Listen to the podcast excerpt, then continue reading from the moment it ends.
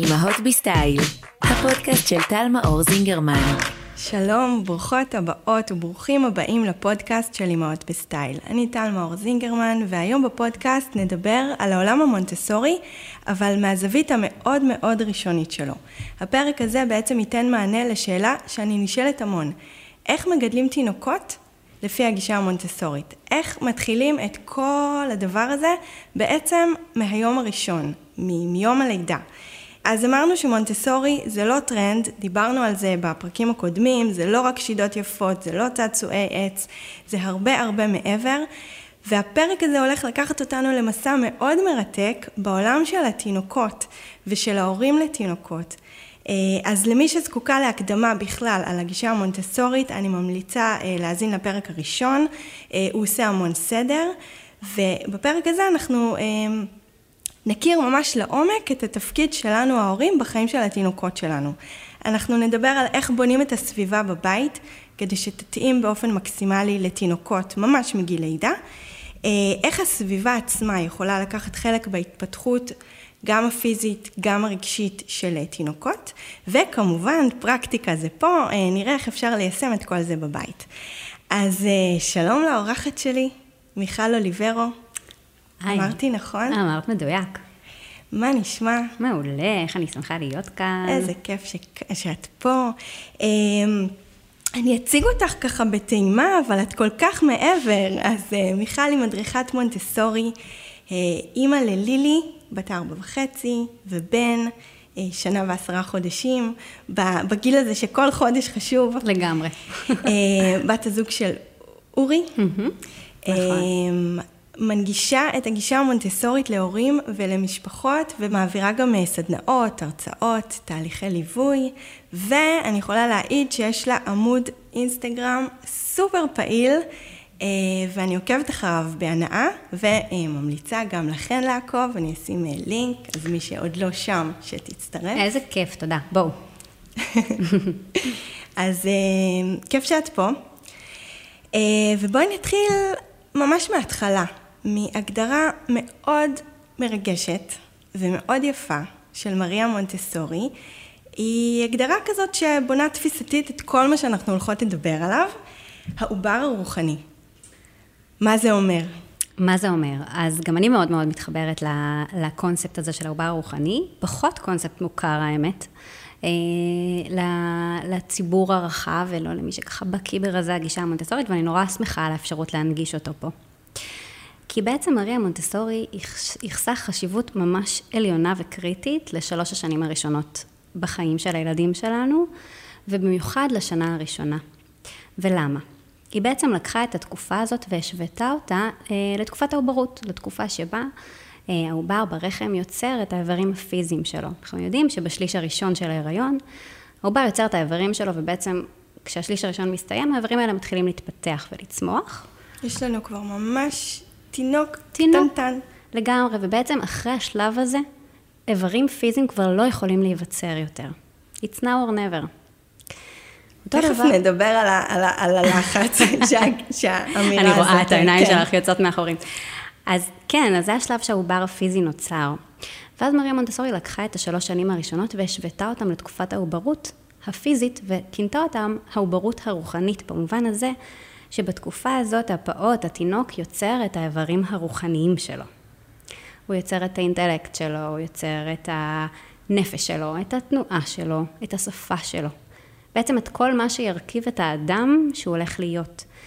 ו- וזה הבסיס הרגשי שלו, הבסיס ההתנהגותי שלו, הסנסומוטורי שלו. זו תקופה של יצירה של אדם, של היסודות שעליהם ההתפתחות שלו הולכת להישען. זאת אומרת שכל מה שיקרה במהלך השנה הזאת, הוא כל כך חשוב וכל כך קריטי אה, ל... ל בן אה, אנוש, בת אנוש, ש, שאותו אה, תינוק הולך להיות.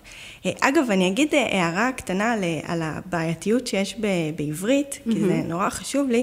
תמיד כשמדברים על תינוק זה בזכר. נכון. זה כאילו מושג התינוק. Mm-hmm. אז הרבה פעמים אני מנסה לעקוף את זה כשאני אומרת baby, כי זה קצת יותר... baby זה, זה גם וגם, כן, both, זה גם כן. וגם, אבל זה באמת אתגר. אז, אז כל מי שמאזינה לי הרבה מאוד שנים ויודעת שזה חשוב לי, וגם בכתיבה שלי להתייחס מגדרית, אה, גם, גם לתינוקות, בנות וגם... אה, לגמרי, I like it. כן, אז. ננסה לאזן, אה, אבל אה, זהו. אז מה שאני רוצה להגיד, זה שהתקופה הזאת היא בעצם, היא כל כך קריטית, וכל מה שנעשה ישפיע אה, על התינוק ועל האדם אה, שהוא, היא, יהיו בסופו של דבר.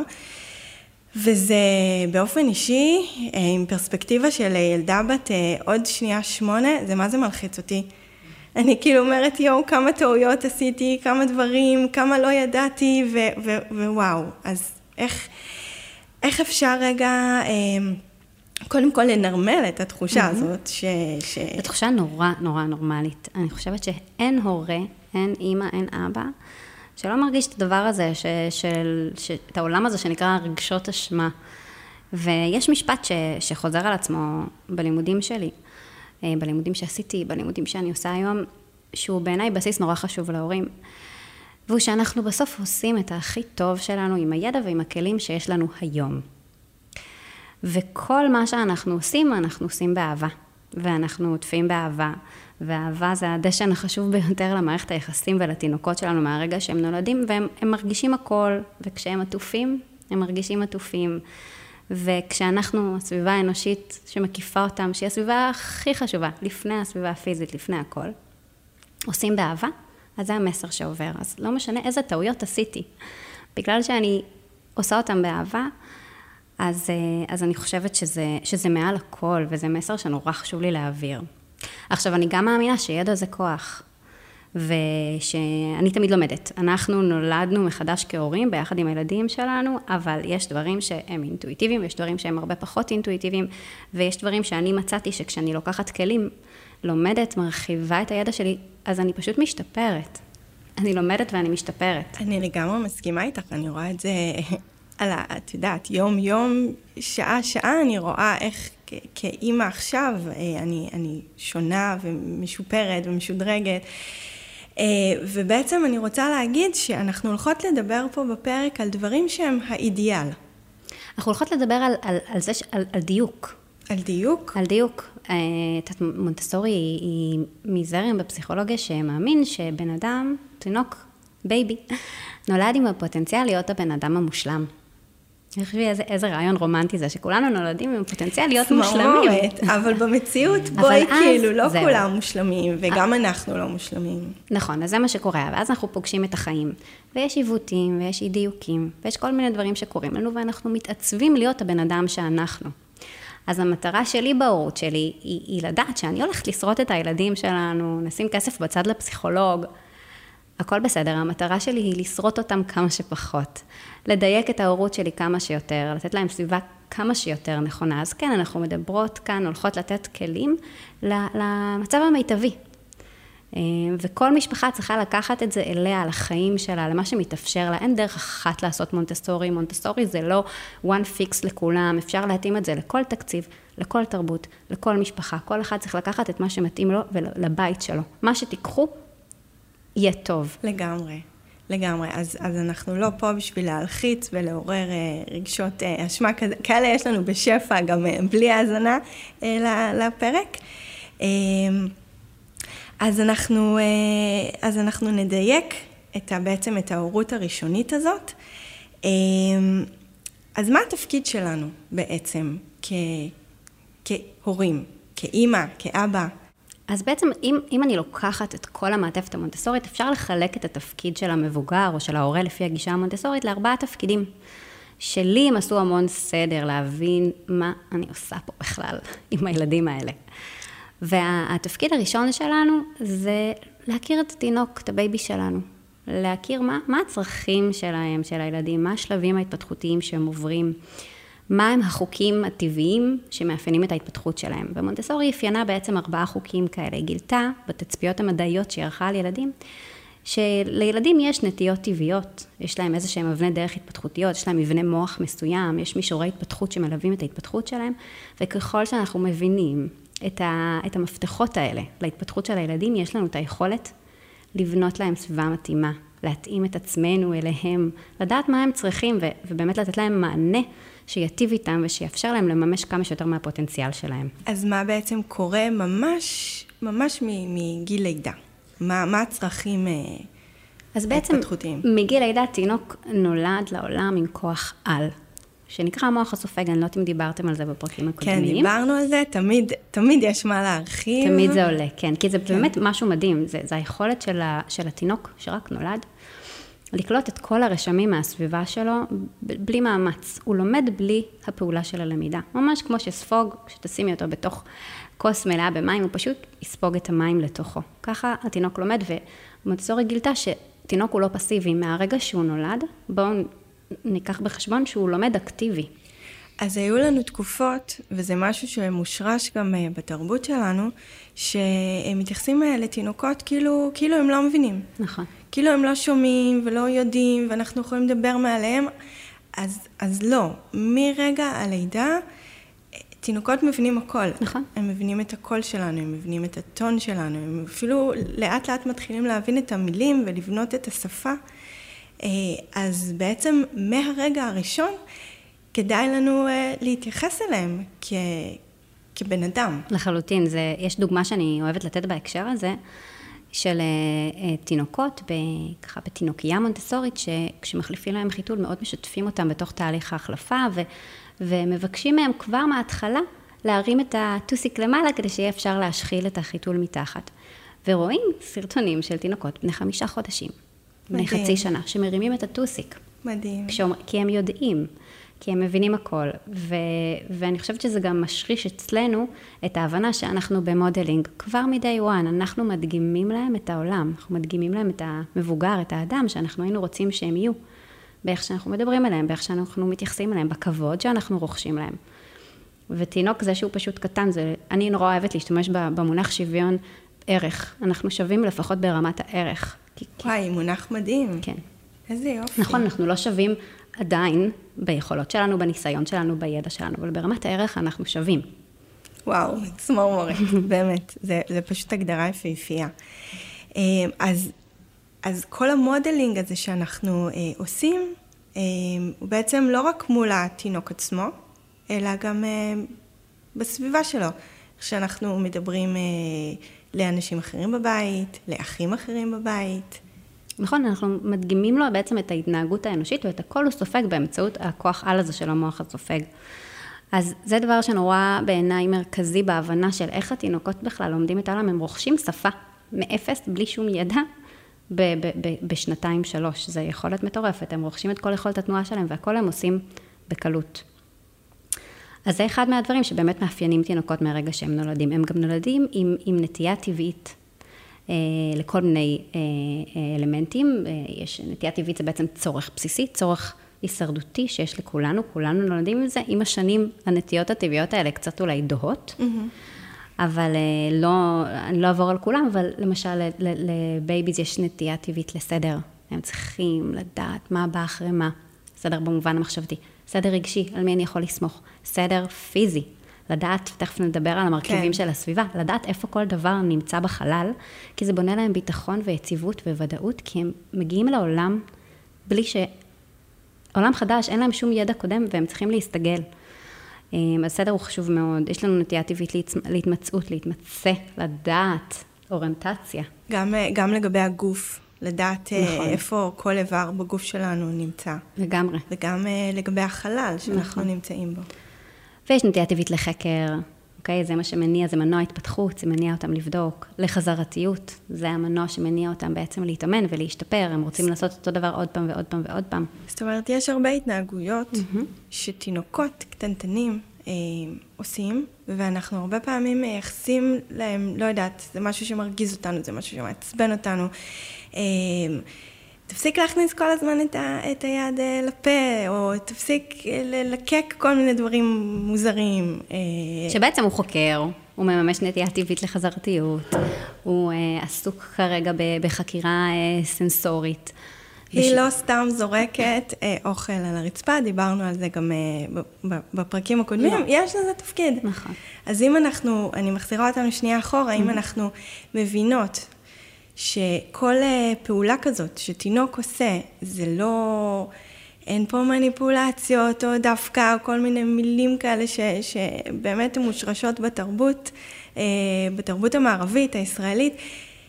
הדברים האלה לא קיימים, אלא בעצם אה, תינוקות מתנהגים כדי לממש את כל הצרכים. הם פועלים בשירות ההתפתחות שלהם. כן. במקום להגיד שהם עושים מניפולציה או מנסים לעשות לנו דווקא, הם פשוט פועלים בשירות ההתפתחות שלהם. זה מה- ההמשגה שאני חושבת ש- שהיא חשובה. אז ברגע שאנחנו, אה, בתור ההורים, אמרנו, אנחנו מדברים על ה, מדברות על התפקיד שלנו כ, כאימהות, ברגע שאנחנו מבינות אה, שתינוק פועל כדי אה, לפ, להתפתח, וכל התהליך הזה בעצם קורה לבד, אז מתרחש איזשהו קסם, ואנחנו צריכות, צריכים, ההורים, לא להפריע.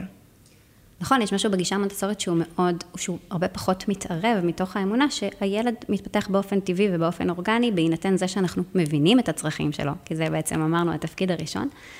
אמ, ויש עוד כל מיני חוקים שמאפיינים את ההתפתחות של, של ילדים, אה, של תינוקות, לא, לא נצליח לכסות את כולם עכשיו, אבל אני רק אגיד שלהבין וללמוד ולחקור מה הילד שלי צריך כרגע, מה עובר עליו מבחינה התפתחותית, זה ידע שמבחינתי הוא פרייסלס, כי הוא מאפשר לי לעבור ביתר קלות לתפקיד השני שלנו, שזה בעצם לייצר לתינוק, לתינוקת שלנו סביבה. סביבה פיזית ו- וסביבה אנושית. ו... ובואו נחשוב שנייה על, על זה שתינוקות, הם, הם מגיעים לעולם מסביבה שונה לגמרי, מהרחם. מהרחם. כן, מסביבה שהיא עוטפת. סגורה. בה, סגורה. יש בה ריח אחר, יש בה קולות אחרים, יש בה אה, אה, אור שונה, טמפרטורה שונה, הכל מאוד רך ומבוסת. כל הצרכים של העובר ברחם נענים, כמובן בהינתן הריון תקין, נענים בצורה מיידית. פעם אה, ראיתי איזה סרטון שמדמה אה, מה, מה עובר מרגיש בתוך הרחם, ממש חוויה כזאת חושית, והדופק של האימא mm-hmm. הוא מוטיב מאוד מאוד מרכזי במה שקורה שם. נכון. שזה מדהים, נכון. כי זה, זה לא באמת שקט. הם, אה, תינוקות נמצאים בתוך רעש קבוע, חוזר, מונוטוני מאוד מאוד מאוד של גדול. הדם, של הדופק, של מערכת העיכול. נכון, הם, הם חווים סביבה מאוד מסוימת, ואז הם יוצאים ברגע אחד לעולם שונה לחלוטין. וכל אחד גם יש לו יציאה אחרת, אחרת, סיפור אחר בכלל, לגמרי. כן, נושא לפוד, לפרק אחר לגמרי על מה קורה ב, בשלב הזה, אבל ברגע שבעצם עוברים לעולם החיצוני, המטרה שלהם היא אחת, והיא להסתגל. מונטסורי קרא לזה אדפטיישן, זה לעשות את האדפטציה לעולם החדש, זה להתחבר מחדש לאימא, שהייתי ברחם שלה, בצורה החיצונית שלה. החודשיים הראשונים נקראים השלב הסימביוטי, אוקיי? שבה בעצם האימא תלויה בתינוק והוא תלוי בה לקיום הפיזי שלהם, נכון? אנחנו צריכות שירוקנו את החלב, שהרחם יתכווץ בחזרה, והתינוק תלוי בנו, תינוק, תינוקת תלויים בנו כדי לשרוד. וההסתגלות הזאת היא כל כך, שוב, דיברנו על החשיבות הזאת של העובר הרוחני, ההסתגלות הזאת, הכניסה הרכה, הנעימה, המכבדת לעולם החדש, היא מאפשרת ליצור ביטחון. ביטחון בעצמם וביטחון בעולם, ואמון שיש מי שיתפוס אותי כשאני אפול, יש מי שמטפל בי, וזה מה שבהמשך, כשהתינוק שלנו יהפוך לפעוט ויהפוך לילד, יפתח את העצמאות שלו, ואת המסוגלות שלו, ואת האמונה בעצמו שהוא יכול. זה מתחיל כבר מה, מהיציאה מהרחם, אה, לפי הגישה המונטסורית. ו... מונטסורי דיברה על, על סביבה במובן הזה, הם, קודם כל פיזית, סליחה, קודם כל אנושית, על סביבה שהיא אנחנו, תינוק צריך אותנו. שנשים רגע, נדייק את הנושא של הדמות המטפלת. כן. אה, בתקופה ש... שמריה מונטסורי אה, ערכה את כל התצפיות וגיבשה את כל, ה... אה, את כל העניין, אז היה נהוג שהאימא היא הדמות שמטפלת, ב... נכון. הדמות העיקרית שמטפלת בתינוקות. למרות שמונטסורי לא זאת שגידלה את הבן שלה, דיברנו על זה בינינו. כן, נכון. אה, אבל זה מה שהיה נהוג. נכון. אה, ולכן ההתייחסות היא אה, לקשר שבין האימא אה, לתינוק, לתינוקת, אבל באורח חיים שיש לנו עכשיו, בהחלט אבות או דמות, או אימא נוספת, או סב, סבים, סבתות, כל דמות מטפלת, בעצם יכולה להיכנס לתוך המערכת יחסים הזאת. נכון, אני חושבת שחשוב לקרוא את מונטסורי בהתאמה להיום, למשפחות כן. של היום ולתפקידים שמשתנים בעצם במשפחה. אמ, אז באמת, השלב הראשון זה לאפשר לתינוק איזושהי אה, כניסה חלקה ועדינה שמאפשרת לו ביטחון ופניות להתחיל ללמוד ולחקור את הסביבה שלו. והוא חוקר אקטיבי של הסביבה שלו עכשיו. כדי שהתינוקת שלנו תגיע ל- לפוטנציאל המלא שלה, הסביבה צריכה לשקף את הצרכים ההתפתחותיים שלה, שאמרנו שאנחנו בודקים ומגלים ו- וחוקרים מה הם. וכיוון שהצרכים האלה משתנים, והם משתנים הרבה, כי תינוק גדל כל יום, אז הסביבה היא צריכה להיות גם גמישה ולהתאים את עצמה לצרכים המשתנים של, ה- של התינוק. הדבר הבסיסי שתמיד קיים בה זה סדר. סדר, שזה, שזה משהו שכולנו, נגיד את הביטוי אה, סדר יום. נכון. זה. כל כך נפוץ וכל כך מוכר, וזה תקף גם אה, לגבי הרבה גישות אחרות, אה, וזה גם נכלל פה, לגמרי, בעולם של הסדר. סדר יום, סדר שמאפשר להם באמת לצפות מה הולך לקרות, סדר רגשי. הדמות המטפלת, היא תהיה אותה דמות מטפלת, או הדמויות המטפלות. אנחנו נוודא שיש כמה שיותר קביעות. במונטסורי זה נקרא נק- נקודת ייחוס, אוקיי? זה הנקודה שהתינוק יכול להתחבר אליה ולדעת שהוא מוגן. אה, וסדר זה כמובן גם סדר פיזי, ותכף נדבר על הסביבה הפיזית. אמ, וחשוב לי פה להגיד גם ש, שמונטסורי, נדבר עכשיו על הסביבה, זה לא איזשהו פורמט אחד. אוקיי? זה לא חייב להיראות ככה, יש דברים שאולי לחלקכם יישמעו מאוד מאוד רחוקים מהבתים שלכם, וזה בסדר. אמ, זהו, במקום הזה, אני רוצה אה, להגיד, דיברנו על זה קצת אה, לפני, לפני ההקלטה. יש מין אה, איזשהו אידיאל כזה, של מה זה בית מונטסורי, ומה זה אומר, ואיך זה נראה, ויש גם המון תמונות יפהפיות, ש, שאני ועוד כל כך הרבה אמהות מתעלפות מהתמונות האלה ורוצות אה, גם. אה, אבל בגלל שכל ה, כל ה, כל הרעיון, הסיבה שאנחנו פה זה, זה, זה הלב, זה לגדל אה, ילדים לפי אה, איזושהי גישה שהיא מיטיבה גם עם הילדים וגם עם ההורים, אה, גם עם האווירה בבית.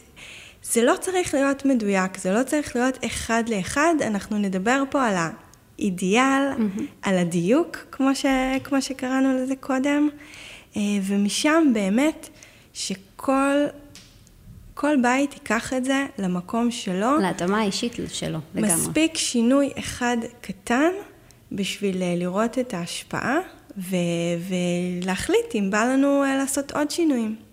נכון. אז אני חושבת שיש מרכיבים שחשוב לקחת בחשבון כשחושבים על, על בנייה של סביבה לתינוק, תינוקת חדשה שהולכת להיוולד. אמ, אז, אז שוב, אמרנו סדר, למרות הצרכים המשתנים, שיהיה לכל דבר מקום יהודי. זה אומר שיש מקום יהודי שבו אני מאכילה את התינוק, מקום יהודי שבו אני מטפלת, עושה את הטיפול האינטימי, מקום יהודי למשחק, והסדר באמת מייצר אצל, אצל התינוק או התינוקת נקודות ייחוס, יציבות וודאות. זאת אומרת שכשיש פינת אה, החתלה, אה, פינה לטיפול אה, אינטימי אה, קבועה, אז ברגע שאני אני לוקחת את התינוקת שלי ואני אומרת לה, אני מסבירה לה, כי אני, אני מדברת אליה, כי היא מבינה הכל. נכון. אז אני מסבירה לה, עכשיו אנחנו נלך אה, להחליף חיתול, ומסבירה לה בדיוק מה הולך לקרות, ולוקחת אותה פיזית מהסביבה שעד רגע היא שיחקה. אה, לוקחת אותה פיזית ומעבירה אותה אה, לסביבת הטיפול. Mm-hmm. וכבר זה עושה, אה, זה, זה מקנה לה איזשהו אה, רוגע, נכון. איזשהו שקט. זה לא שעכשיו באתי, לקחתי אותה מסביבה אחרת, הרי אנחנו גם הגדולים, החזקים, יש לנו את היכולת ממש לשנות את סדרי העולמות עבורם. זה לא שפתאום לקחתי אותם ממקום אחד למקום שני. נכון, זה מייצר צפיות, זה מייצר ביטחון, וזה גם מייצר למידה. אני כבר יודעת מה הולך לקרות. אז כן, סדר במובן הזה. עכשיו, הסביבה היא גם, רצוי שהיא תהיה הרמונית, שהיא תהיה נעימה.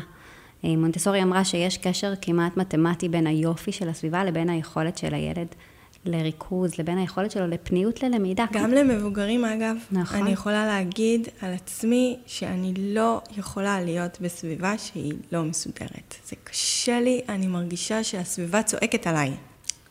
לגמרי, לגמרי. במונטסורי, ה- האלמנט הזה של הרוך, ההרמוניה, הצבעים, היופי של הסביבה, הוא לוקח תפקיד מאוד מרכזי, כי זה בדיוק, כמו שאת אומרת, זה מה שמאפשר לנו להתפקס ולהיות שמחים. מונטסורי אמרה, יש משפט שלה שאני ממש אוהבת, שהיחס של התינוקות, של הילדים לסביבה, הוא שונה מהיחס שלנו. אנחנו רואים משהו יפה, ואנחנו חושבים איזה יופי, או יש לנו כזה רגע נעים ונעים לנו, אבל ילדים רואים משהו יפה, והיופי הזה הופך להיות חלק מהנשמה שלהם, וואו. חלק מהבפנים שלהם. זה עד כדי כך עוצמתי החשיבות של הסביבה. אמ, אז, אז, אז לייצר סביבה שיש בה הרמוניה בין האור, בין הצבעים, ב- ב- באסתטיקה שלה, זה חשוב לילדים לא פחות ממה שזה חשוב לנו. עכשיו אני עושה לנו כזה רגע זום אאוט לאימא אחרי לידה, עמוסה, עייפה, הכלים בכיור נערמים, כבר ערימות של כביסה, הכל, כאילו, יש באמת מצבים כאלה בחיים שהבית נראה כמו שדה קרב, ואז אנחנו באות ושמות את האידיאל הזה, mm-hmm. של הבית צריך להיראות הרמוני ומסודר ונעים ונקי, וזה כאילו, את מבינה? יש פה התנגשות כזאת. אני חושבת שבשבילי אני יכולה להגיד, אמ, ואולי קצת נדבר על התפקיד של, ה, של המבוגר בסוף, אבל אחד מהדברים שהכי חשובים לי שאני עושה עם הילדים זה, זה לבוא לקשר כשהיה לי רגע להכין את עצמי. כדי לבוא, כמו שאני הגעתי לפודקאסט הזה מוכנה, דיברנו, אני יודעת מה אני הולכת להגיד, אני יודעת איזה מסרים אני רוצה להעביר. ככה אני גם מגיעה לקשר עם הילדים, וכן זה אומר שכאימא, אה, כשהייתי אה, בהיריון בחודשים האחרונים, הכנתי את הסביבה, חשבתי מה אני רוצה שיהיה בה. הכנתי כל משפחה לפי, לפי היכולות שלה והכלים שלה, מה יעזור לי לנהל את הבית בתקופה הזאת? מי יעזור לי? איזה אנשים יכולים להיות לצידי?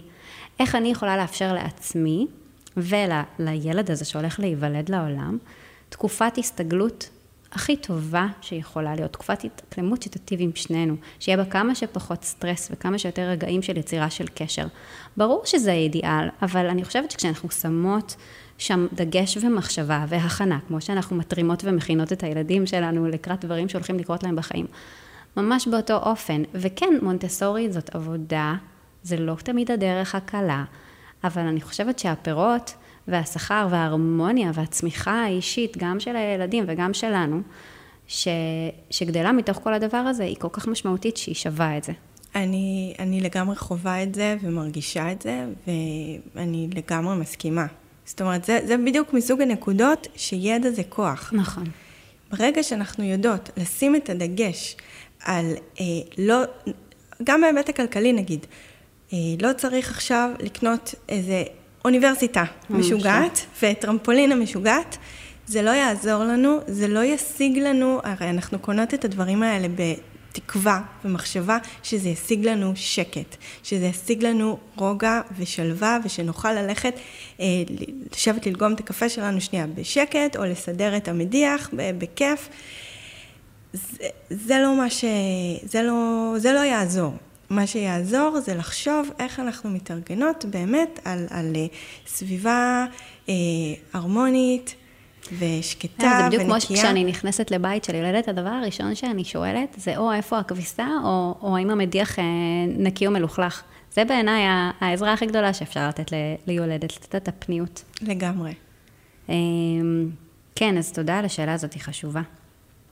אז רכיב נוסף חשוב בהכנה של הסביבה לניובורנס זה לחשוב רגע על האור, על הטמפרטורה, על הרעשים, כדי לאפשר מעבר באמת כמה שיותר נעים, אה, לתת סביבה שהיא טיפה יותר מבוסתת בשבועות הראשונים. שזה גם מתחיל אגב בחדר לידה. נכון.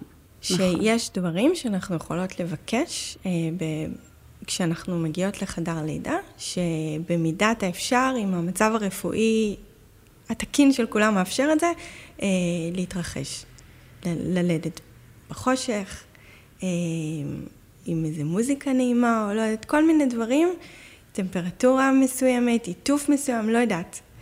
skin to skin, דברים שאנחנו יכולות כבר מהשלב הזה אה, להכניס לתוך חדר הלידה. ואת כל הדבר הזה לקחת איתנו גם הביתה. הביתה, וואי, זה, וזה הכי ידע זה כוח, לדעת שאפשר לעשות אה, לידה גם כזאת. אה, כן, זה בעיניי אה, בדיוק אותו מעבר הדרגתי שאנחנו הכי מייחלים לו. אה, והסביבה היא גם צריכה להיות פונקציונלית עבורנו, שלנו, למטפלים בתינוק, יהיה נוח, שנוכל להתמקד ביצירה של הקשר.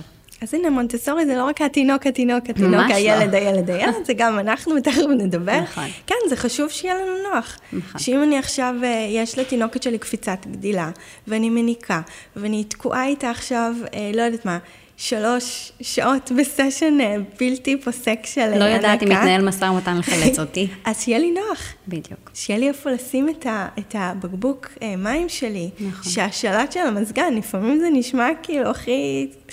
כאילו, שלט של מזגן יכול להיות ההבדל בין... משנה אה, חיים. כן. לגמרי. שיהיה לידי, ולא עכשיו שאני אצטרך לחשוב איך אני נעה לכיוונו. עם הרגל המצליחה כן. לגמרי. כן, אז שיהיה פונקציונלי ושיהיה מעט גירויים, מעט גירויים, חומרים כמה שיותר טבעיים, כמה שיותר אור- אורגניים, אמיתיים, של החיים האמיתיים, שיעזרו לתינוק לפתח את, ה, את המערכת החושית שלו בצורה הכי אורגנית והכי טבעית. אז איך בעצם נראית הסביבה הזאת? התחלנו, דיברת על, על ההנקה, אז בואו נתחיל מאזור ההכלה. אז באמת, שוב, אנחנו מדברים על מיקום קבוע. רצוי, ברור שיש את החיים עצמם ויש ילד, יש אחים קטנים ולפעמים לא מניקים באותו, אבל רצוי כמה שיותר להעניק או, או להאכיל מבקבוק באותו מקום, באותה נקודה שהתינוקת שלנו תדע, עכשיו אנחנו מתיישבות על אה, כורסת ההנקה, זה אומר שאני עכשיו הולכת לאכול. לפעמים רק ההתיישבות הזאת כבר מרגיעה איזשהו נכון. בכי. נכון, כי יש צפיות, כי יש... בדיוק. ו- ורצוי שזו תהיה קורסה, כן, מפנקת, נעימה, עם תמיכה לידיים, עם תמיכה לראש, עם אני תמיכה לרגליים. בדיוק אה, העפתי מפה, הייתה. פה קורסת הנקה של לייזי בוי, שזאת המתנה הכי מהממת שקיבלתי, ההורים שלי קנו לי אותה, באמת, אין מתנה יותר מושלמת ללידה מהקורסה הזאת, ואני פשוט גרתי עליה.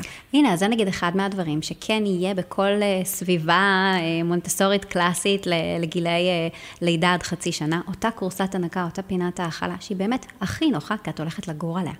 וליד יהיה מדף קטן או שולחן קטן שאת יכולה לשים עליו את ה...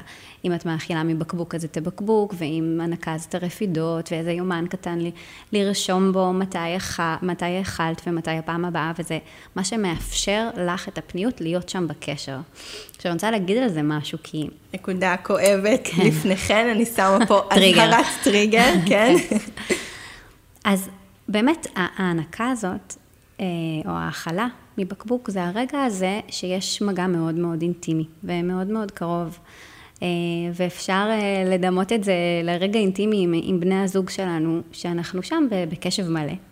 ומה שאנחנו בטוח לא עושים ברגע כזה עם בני הזוג שלנו, זה אנחנו לא מדפדפים ב, בפיד. זה לא קורה. אלא שבהנקה, שהיא גם הרבה פעמים בהתחלה מאוד ממושכת, אנחנו כן עושים את זה, או כן עושות את זה. עושות. ו... וזה חוטא לקשר. לא סתם, דרך אגב, אה, תינוקות, newborns, בשבועות הראשונים רואים למרחק של 30 סנטימטר, כי זה בדיוק המרחק בין החזה שלנו, או, או האופן שבו אנחנו מאכילות עם בקבוק, לבין הפנים שלנו. זה זמן של יצירת הקשר. של האינטימיות הזאת, ו- וכשהטלפון נכנס לתמונה, אז uh, אנחנו לא שם. אנחנו לא שם, ודרך אגב, זה גם מה שהם חווים. גם newborns חווים את הניתוק הזה. אז תחשבו שמבחינתם, כשאנחנו מאכילות, מניקות עם הטלפון ביד, הם חווים אותנו כלא שם. אני לא יודעת אם אתם מכירים את ניסוי הפנים הקפואות. אוי, זה אה, ניסוי אכזרי. זה ניסוי הניסוי מאוד אכזרי נכון. ביותר. אני אגיד בקצרה, לקחו אה, אימא ואמרו לה לא, לא, לא לעשות שום תזוזה בפנים. נכון, לא לתקשר. לא לתקשר עם התינוק שלה, זה פשוט באמת ניסוי מזעזע, נכון. והתוצאה, הבכי של התינוקות מול המראה הקפוא של האימהות שלהן, זה משהו... נכון, והורמון וואו. הדחק, הורמון, הורמון המתח ש, ש, שמופרש ועולה. אז מחקרים עדכניים גילו שכשאנחנו עם הטלפון ביד, ילדים חווים את אותן תגובות. אוי ואבוי, כאילו זה מה שהיה חסר לי עכשיו לשמוע. כן, אבל אז, אז באמת, אז אוקיי, יש דברים דחופים אולי, הודעות דחופות, אבל קחו את זה כנקודה למחשבה, שיהיו כן. רגעים באינטימיות הזאת של ההכלה, ש, ש, שאפשר לייצר בהם קשר. יש משפט שאני קראתי אותו איפשהו והוא מלווה אותי, אה, שאנחנו צריכים להיות בסדר עם הילדים שלנו, ילדים הם עמידים, אנחנו צריכים להיות איתם בסדר 80% מהזמן. פרטו, 80-20. 80-20. כן, 20% כן. מהזמן אנחנו אה, יכולות אה, לגמרי. להחליק ולכל. מיני, כן. אז זה אזור ההכלה.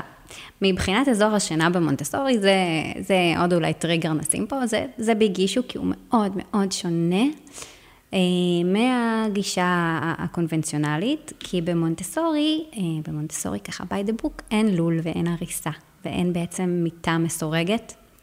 אה, הרהיטים האלה לא קיימים בחלל מונטסורי. מה שיש לנו בחודשים הראשונים, חודשיים, שלושה הראשונים, עד שהתינוק מתחיל להיות יותר תנועתי, זה משהו שנקרא צ'סטינה, זה איזשהו אה, תיבת משה כזאת, תדמיינו סל יחסית רחב. שזה מהמם, ויש נכון. את זה עכשיו, אפשר לראות את זה בכל מיני אה, פנינות אינסטגרם זה נורא כאלה. יפה. זה כל כך נכון. יפה וגם חסכוני בכסף. נכון, זו כי- הסיבה היחידה שאני רוצה לעשות עוד תינוק.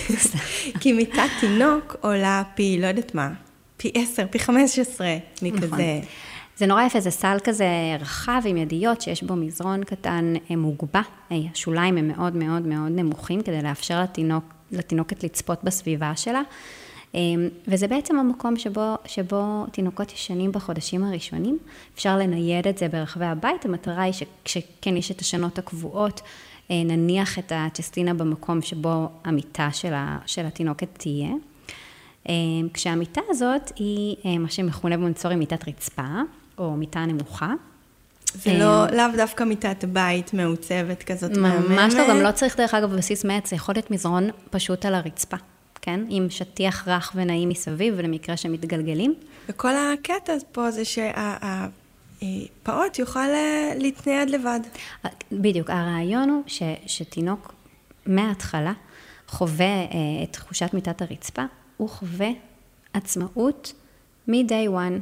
אין סורגים מסביב, אין, דרך אגב, זה גם נורא מפתח את החוש הפרופריוצפטיבי, את התפיסה של התינוק בתוך החלל, כי הוא לומד לבד את גבולות הגזרה של המיטה בלי הסורגים, אוקיי? הוא יודע איפה הוא מונח ביחס למיטה.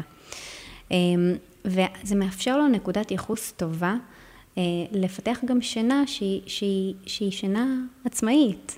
לדעת, אני יכול עכשיו לצאת מהמיטה כשאני רוצה, תחשבו על, על הילדים שלנו בתוך המיטה אה, המסורגת. כשהם רוצים לצאת, הם צריכים לקרוא לנו. ויש בזה משהו שהוא הוא בעיניי מעט אה, לא נעים. בשוויון הזה שדיברת עליו כן. מקודם, אז לא מתקיים השוויון נכון. הזה. כי אני צריכה שמישהו יוציא אותי. עכשיו, הרבה פעמים תינוקות אה, מתעוררים בגלל זה בבכי, כי בכי זה התקשורת הראשונה. וזה לא דרך נעימה להתעורר. נכון. וגם זה יוצר אחר כך את מין שלב כזה, שאני לא חושבת שהוא הוא, הוא באמת התפתחותי אמיתי, אני חושבת שהוא נולד מכורח הנסיבות. יש שלב כזה שהרבה אה, אימהות, הורים במשפחות מתארים שעוברים ממיטת תינוק למיטת מעבר, ואז יש... חודש. כזה של מהמם. הסתגלות ומאבק כזה, כשפתאום הילדים שלנו אה, נהנים מהחופש ומהעצמאות, ולא רוצים נכון. אה, ללכת לישון. כי למה ללכת לישון? שהם קיבלו את החופש המושלם לצאת ולהסתובב אה, בבית ולגלות עולם שלם שמתקיים שם. נכון. אז אני חושבת שהמיטת מיטת רצפה, או, או מזרון, או, או באמת אזור שינה שמאפשר להם להיכנס לתוך שינה באופן עצמאי ולצאת מהשינה באופן עצמאי, והם מאוד מהר נהיים תנועתיים ומסוגלים לזחול ולעלות על המיטה לבד, מכבד אותם, מאפשר להם נגישות ומאפשר להם עצמאות, ו- ובונה את התחושה של הערך שלהם. אני לא תלוי בך, אימא, כדי שתוציאי אותי או תכניסי אותי למיטה, אני יכולה להתחבר גם לתחושות הגוף שלי ולדעת מתי אני עייף ומתי כבר לא. כן חשוב לי להגיד שחשוב שהסביבה, החדר, יהיה בטוח. כן. יהיה baby proof, כי, כי הילדים יכולים, הרבה פעמים זה קורה, מגלים שהם בכלל התעוררו לפני חצי שעה והם משחקים בחדר. יושבים, נכון, זה בדיוק מה שקרה לנו אה, עם אן, היא פשוט הייתה אה, הולכת למשחקים. ואיזה כיף זה להתעורר ככה. ואני מדברת על אה, גיל, אה, לא יודעת מה, אה, שבעה חודשים, מדהים. שמונה חודשים. זאת בדיוק המטרה, ואיזה כיף זה להתעורר ככה. ולגשת למשהו מתוך אחרי שישנתי טוב, יש לי איזה רצון פנימי לחקור, נכון. אני בוחרת בעצמי מה אני חוקרת, ויש לי סביבה שאני מרגישה בה בטוחה. איזה נכון. יופי, כמה היא מרוויחה מזה. וזה באמת מייצר איזשהו שקט. נכון. שאפשר אה, ל- לצמוח איתו. נכון. זה מדהים. מבחינתי, כל, כל מה שאת אומרת, זה, זה עובד. אמנם לא הייתה לי אה, סלסילה כזאת אה, מהממת. אה, ויפהפייה, אבל, אה, אבל אה, כן, אה, זה עובד לגמרי. אה, בואי אה, נדבר שנייה על אה, משחקים, אה, כי זה נושא שהוא מאוד מעניין אותי ברמה האישית. ומי שעוקבת אחריי גם יודעת שזה ממש נדיר שאני ממליצה או מפרסמת או עושה שת"פים שקשורים למשחקים לתינוקות. אה, אז אני אסביר רגע למה, כי זה באופן אינטואיטיבי, גם בלי, ש... בלי שהכרתי את העולם המונטסורי, אני מאוד מתחברת ל... ל... לעניין של אה, סביבה אה, דלה וענייה, כמו שאומרים במונטסורית לתינוקות. אני לא מאמינה ולא חושבת שתינוקות צריכים את כל העושר המשחקי המטורף הזה ש, שנהוג ב, בתרבות שלנו. אבל אה, מה כן?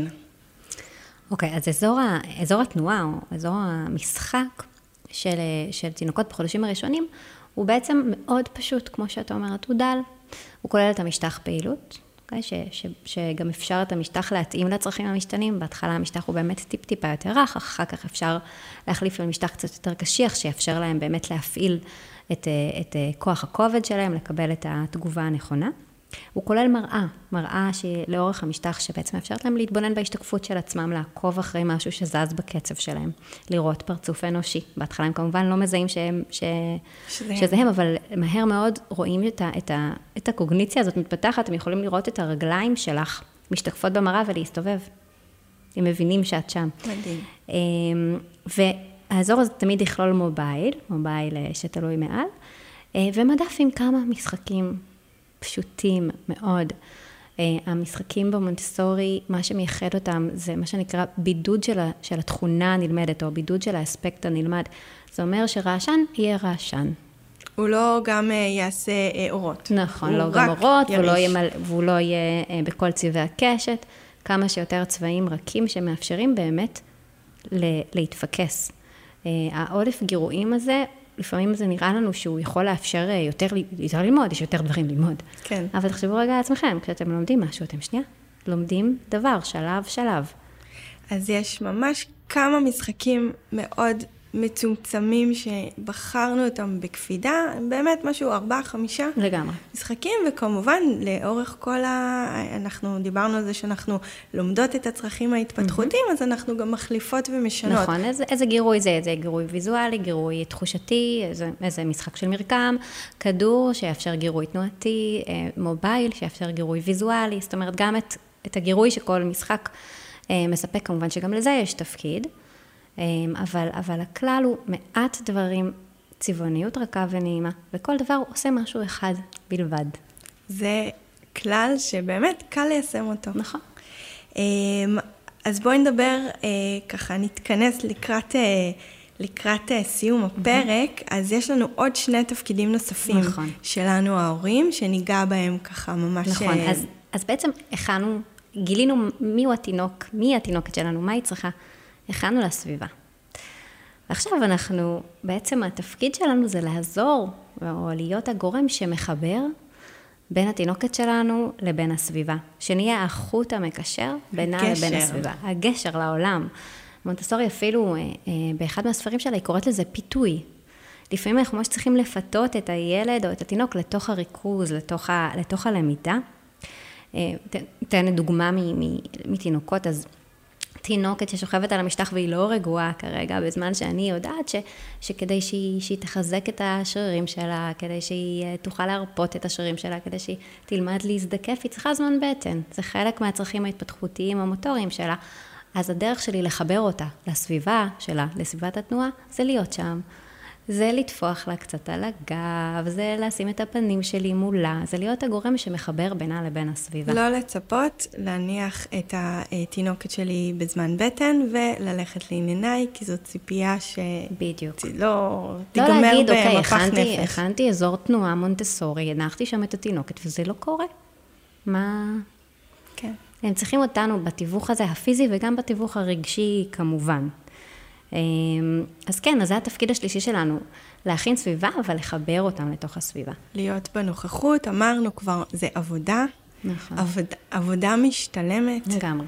יש פירות. אני יכולה באמת מפרספקטיבה, אה, אה, אן אה, בת שלוש, אני יכולה להגיד שהיא ממש נולדה לתוך זה, אה, אחותה ככה על התפר. אני יכולה להגיד שיש פירות, יש פירות לעבודה הזאת, באמת. אה, והתפקיד הרביעי שלנו, התפקיד הרביעי שלנו הוא להסיר מכשולים. אמ, כי אחרי שהבנו מה התינוק צריך, בנינו לו סביבה נכונה, חיברנו אותו לסביבה, אנחנו צריכים להיות ערים לזה שיכולים להיות מכשולים להתפתחות שלו. והמכשולים האלה הם יכולים להיות משני סוגים. יכולים להיות מכשולים פיזיים, ממש מכשולים בסביבה, ש, אה, שהם לא רצויים כי יש בהם משהו שפוגם בהתפתחות. לדוגמה, אנחנו יודעים שתינוקות צריכים לחוש את הרצפה. לחוש את הרצפה כדי שהם יוכלו לפתח את אותה אה, אה, אחיזה, את החוש הטקטילי, את ההתנגדות, להרגיש ולהתחיל להתפתח לתוך זחילה ולתוך תנועתיות.